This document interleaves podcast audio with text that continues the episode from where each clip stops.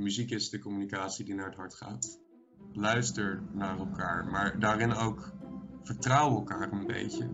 Er zijn af en toe studenten die iets fantastisch hebben in te brengen, waarvan ik denk yo, dit is gaaf. En dat is dan ook weer inspirerend voor de rest. En hoera, weet je, hoera, we moeten het ook samen doen.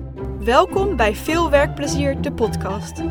Een podcast waarin ik, Kirsten Schut, onderzoek doe naar werkend Nederland. Wat willen kinderen laten worden en waarom? Welke drijfveren hebben werknemers? En hoe blikken gepensioneerden terug op hun carrière? In deze aflevering ontvang ik Jan Terlouw. Hij is 27 jaar en woont anti-kraak in Deventer, waar ook veel andere creatievelingen wonen. Jan is als ZZP'er werkzaam als uitvoerend muzikant en als docent op het conservatorium in Enschede. Welkom Jan. Hoi.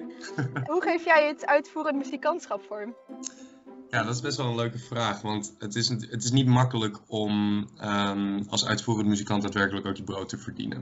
Um, en inderdaad, toen ik, toen ik een jaar of 19 was, had ik voor mezelf de keuze gemaakt. Ik wil dit gaan doen en ik wil alleen nog maar dit gaan doen. Ik wil alleen nog maar muziek maken. En ik ben op die manier in contact gekomen met, uh, met een man die goed is met geld en toevallig ook bas speelde. Uh, en, zo van, Jos, help, hoe ga ik geld verdienen met muziek? Want ik wil eigenlijk niks anders doen. En ik wil eigenlijk ook niet muziek maken om het geld te verdienen. Maar hey, weet je, ik wil niks anders dan muziek maken. En ik heb ook wel gewoon, weet je, mijn huur die ik moet betalen en mijn brood en, en dat soort dingen. Um, dus hoe gaan we dat aanpakken? En hij kwam inderdaad met het idee om um, commerciële klussen te gaan spelen op bruiloften, bedrijfsfeesten en dat soort dingen. En allemaal op basis van improvisatie. Dus dat zijn we gaan doen en dat, dat, dat liep vrij snel. Uh, maar in de tussentijd brandt er natuurlijk ook zo'n vuurtje van... hey, ik wil niet alleen op commerciële plekken spelen uh, en puur een broodmuzikant zijn. Ik wil mezelf ook uiten en ik wil iets bijdragen aan de wereld, een eigen werk schrijven... en daar een band omheen vormen. En zo ben ik in aanraking gekomen met um, Productiehuis Oost-Nederland, wat nu de Nieuwe Oost heet en een talentontwikkelingstraject ingegaan. En we hebben samen een plaat opgenomen en ik heb coachings gehad. En, uh, ik, ik, schreef sowieso al veel liedjes, alleen ze hebben me ontzettend geholpen om dat vorm te geven, om het concreet te maken. En zo is mijn eigen werkband ontstaan, Jan Love Junior in de Nightclub.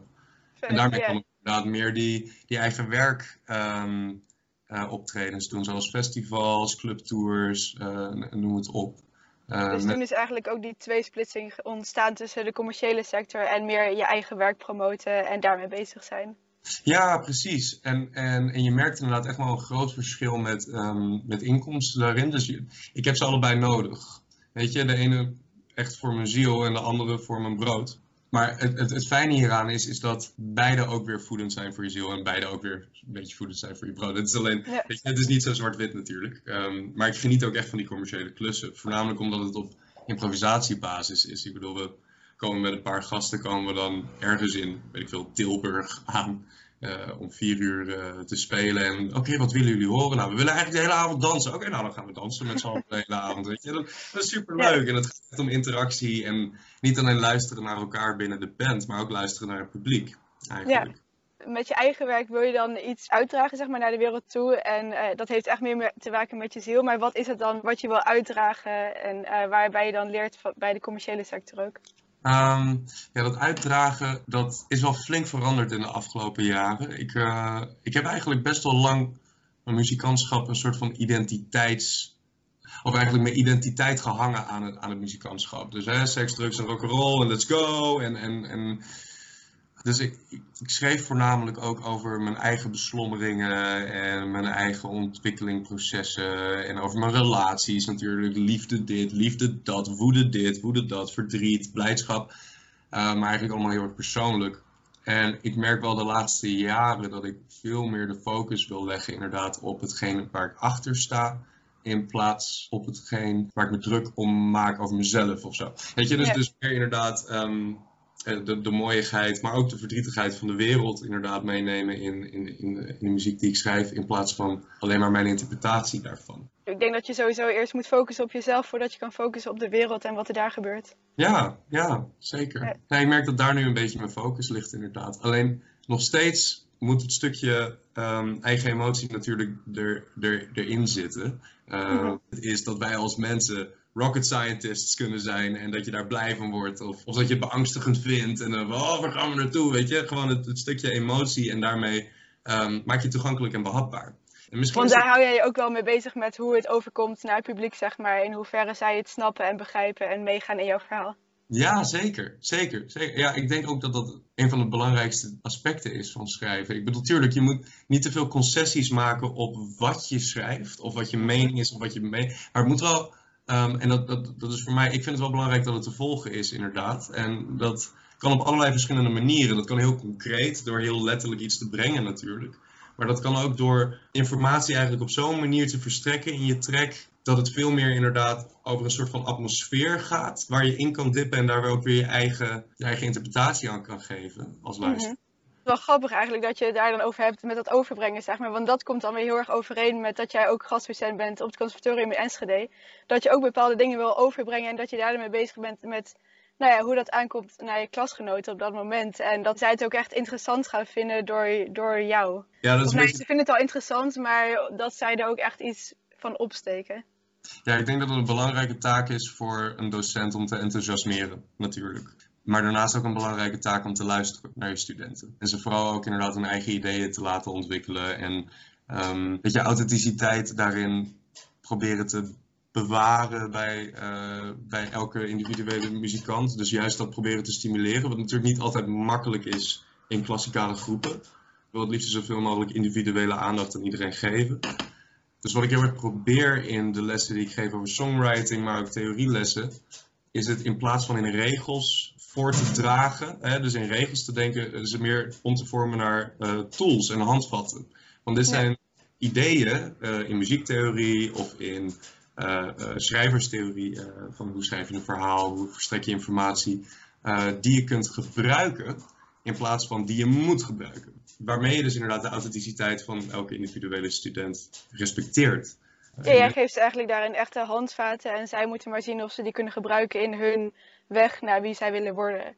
Precies, ja, precies. Ja. Ik denk dat het beter werkt dan inderdaad opleggen hoe je een, bepaalde, uh, een bepaald pad moet bewandelen. En, want dat is uiteindelijk demotiverend, vooral voor creatieve zielen, zoals songwriters, weet je. Die willen gewoon een ding doen. Ja, en, uh, anders druk je ja. echt de grond in, ja. Ja, maar dat is een leuke uitdaging om um, vooral inderdaad om, om met songwriters bezig te gaan en het dan toch over theorie te hebben.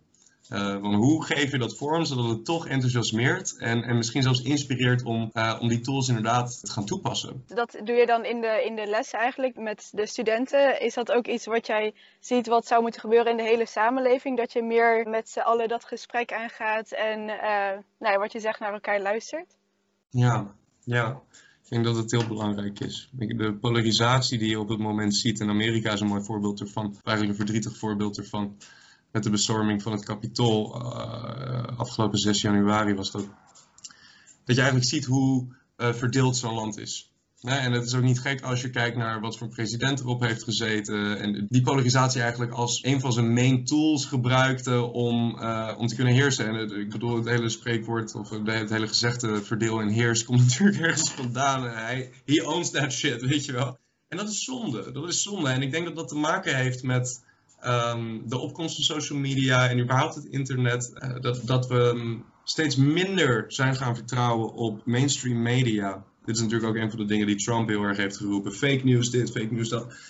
En, en veel meer inderdaad gaan kijken naar welke bronnen passen bij mij. In plaats van welke bronnen zijn accuraat. En we verliezen langzaam maar zeker de wetenschappelijke geest en het mainstream denkbeeld überhaupt. Um, feiten worden ondertussen een beetje meningen. En je ziet het hier in Nederland ook met, met politici zoals Thierry Baudet. Die gewoon onwaarheden verkondigen. Maar ze komen ermee weg omdat ze het presenteren als een mening. In plaats van als een feit. Um, dus het wordt langzaam maar zeker, zowel door de sociale als de economische als de politieke knop, steeds meer gestimuleerd eigenlijk om rechten te hebben. Dus ik heb het recht op een mening, ik heb het recht om, om dat uit te dragen en ergens iets van te vinden, ook al is het niet gegrond. Um, maar minder met plichten. Terwijl eigenlijk vrijheid gaat over de combinatie van die twee. Vrijheid is niet alleen maar rechten, vrijheid is ook plichten en afspraken met elkaar. En onder die afspraken horen naar mijn mening, ja, hier komen we, maar dus dat je als je iets verkondigt, al helemaal in politieke settings, dat het klopt wat je zegt. Of althans dat het onderbouwd is wat je zegt. En een van de dingen die je dus inderdaad, of die mij opvalt op het moment aan de huidendaagse en de hedendaagse samenleving, is dat, dat we in debat zijn met elkaar. We zijn de hele tijd aan het debatteren en, en, en, en daardoor aan het polariseren. Terwijl we misschien iets meer naar een vergadering toe zouden moeten gaan. Uh, een, een, partij, weet je, het politieke klimaat ziet er zo uit dat een partij moet een standpunt hebben. Omdat, ja, omdat ze kiezers hebben die voor dat standpunt hebben gestemd. Weet je? Dus, dus je, die politieke belangen, je moet de belangen van je kiezers behartigen. Alleen de kiezers zijn niet flexibel in de mening, dus kan de politieke partij ook niet flexibel zijn in de mening. En heb je dus een debat wat hard tegen hard gaat. En als er een goed argument wordt aangedragen, dan kun je als partij amper van mening veranderen. Ja. En dus sta je in een soort van spagaat van, hè, uh, ik ben het eigenlijk wel eens met wat meneer Rutte of meneer Klaver zegt, weet je wel, maar ik kan niet meegaan, want mijn kiezers. Dus luister naar elkaar inderdaad. Precies ja, dat. Ja, het is eigenlijk inderdaad die, die balans, dat is echt super lastig om te vinden. Om nou ja, die tussen feiten en meningen en tussen welke wegen daartussen nog te bewandelen zijn tussen de feiten door, zeg maar, om toch nog compromissen te kunnen sluiten. En volgens mij heb jij dat bij elkaar gebracht, allemaal tot iets waar jij dan bij kunt dragen in de lessen eigenlijk. Om dan daar dat beginnetje te maken van luister naar elkaar, maar overtuig elkaar niet van alles, maar kijk echt naar wat, wat, ja, wat die waarheden dan zijn. Ja, hoe zit het? Ik weet niet of dat inderdaad op het conservatorium bij de lessen super relevant is. Het is, nou, het is namelijk een les. Weet je, dus het mhm. gaat eigenlijk misschien er zelfs meer over dat ik moet luisteren naar mijn studenten. Dus dat ik niet pretendeer dat ik alle waarheden in pacht heb over dit vak. Er zijn af en toe studenten die iets fantastisch hebben in te brengen, waarvan ik denk yo, dit is gaaf. En dat is dan ook weer inspirerend voor de rest. En hoera, weet je, hoera, we moeten het ook samen doen. Ja, dus het luisteren naar elkaar is denk ik in, in mijn docentenfunctie vooral van toepassing op mezelf. Luister naar je studenten als ze wat te zeggen hebben en, uh, en neem het serieus, weet je. Het is niet zo omdat we in een bepaalde docent-student verhouding zitten dat dat niet kan. En ik weet het van mezelf, van mijn eigen middelbare schooltijd nog wel inderdaad. Dat als ik af en toe iets zei tegen mijn filosofieleraar. Van, maar hoe zit dit dan? Want ik, ik snap het niet helemaal, weet je wel. En dan, nee, en dan gewoon wegwuiven, weet je wel. En dat, dat, niet, niet en dan is het ook, ja, jij klinkt inderdaad als een heel erg bedachtzaam persoon. En wat dan ook inderdaad actief is in die filosofielessen. Maar ook sowieso als een heel ontwikkeld en bewust persoon van wat er allemaal gebeurt in de wereld en wat jouw standpunten daarop zijn, hoe jij daar tegenaan kijkt. Maar is dat altijd zo geweest dat jij, dat jij uh, zo staat? Of wat zijn nu, als je zo terugblikt op je leven, die momenten dat je dacht van dit is hoe ik ben geworden, dit zijn die cruciale momenten geweest? Dankjewel sowieso voor dit mooie compliment, dat is gaaf. Dat is wel waar ik naar streef ook. Thanks. Ik denk in eerste instantie dat het te maken heeft met uh, uh, ik was in mijn jeugd een heel erg introvert jongetje eigenlijk. Hè? Dus, dus ik, kon me niet zo goed bewegen binnen sociale contracten op, op, op een basisschool en op een middelbare school. En ik, hoorde er niet bij en ik werd gepest en al die dingen. Nou, een boehoe voor me. Maar het is, dat is echt een, een interactie geweest. Weet je, het is een combinatie inderdaad tussen kids are ruthless. ja, dat zijn ze gewoon. En ik was kwetsbaar. Um, maar ik durfde dat niet te laten zien. Weet je, dus, dus ik was een gevoelige jongen. Ik, ik kon uh, dingen heel erg persoonlijk nemen. Ik was heel erg onzeker over van alles en nog wat. En, en andere kinderen voelen dat natuurlijk. Dus ik was gewoon, ik was de lul. Weet je? Ja. Um, en ik heb inderdaad op mijn middelbare school, toen ik 15 was, dat ik inderdaad voor mezelf had besloten, ik wil dit niet meer. Ik wil niet meer introvert zijn. Ik wil Um, of misschien wel introvert, maar ik wil me in ieder geval op mijn gemak kunnen voelen in sociale omgevingen. Dus iets minder met mezelf bezig zijn en iets meer met de mensen om me heen. Dus wat ik toen heb gedaan is inderdaad, ik ben de hele zomer de straat opgegaan en vreemden aangesproken. En heb op die manier mezelf geprobeerd te ontwikkelen tot iemand die gewoon een gesprek kan voeren met iemand die die niet kent. Nou, dat was eng. Super stoere stap op die leeftijd inderdaad. dat was super eng. Nee, maar inderdaad, het werkte, weet je. Ik kreeg toen mijn eerste vriendinnetje daarna. En het was, ineens was, uh, uh, ik, ik, kwam in mijn eerste bandje te spelen als drummer in een soort van heavy metal band. En ik weet niet, de, de, de wereld die ging soort van voor me open. Maar dat was echt het begin van het hele proces. Want ik, ik zou liegen als ik niet nog steeds last heb inderdaad van uh, sociale angsten. Een, een, tweede ding is wat echt bij heeft gedragen aan mijn interesse en nieuwsgierigheid naar politiek, maatschappelijke vraagstukken, et cetera. Is toch wel mijn opa ook geweest. Okay. Uh, En voornamelijk uh, twee jaar geleden kregen we een belletje van de Zwarte Cross. hey, vinden jullie het niet leuk om samen iets te doen op de Zwarte Cross en daar iets te gaan vertellen over whatever you want, weet je. Dus, oh, leuk, weet je. Dus toen zijn we een theaterachtige show gaan maken over klimaatproblematiek. Alleen ik moest me dus gigantisch gaan verdiepen in deze. Ben toen Tweede Kamerdebat gaan kijken en, en gaan checken hoe het op dit moment zit. En ik schrok gigantisch hiervan.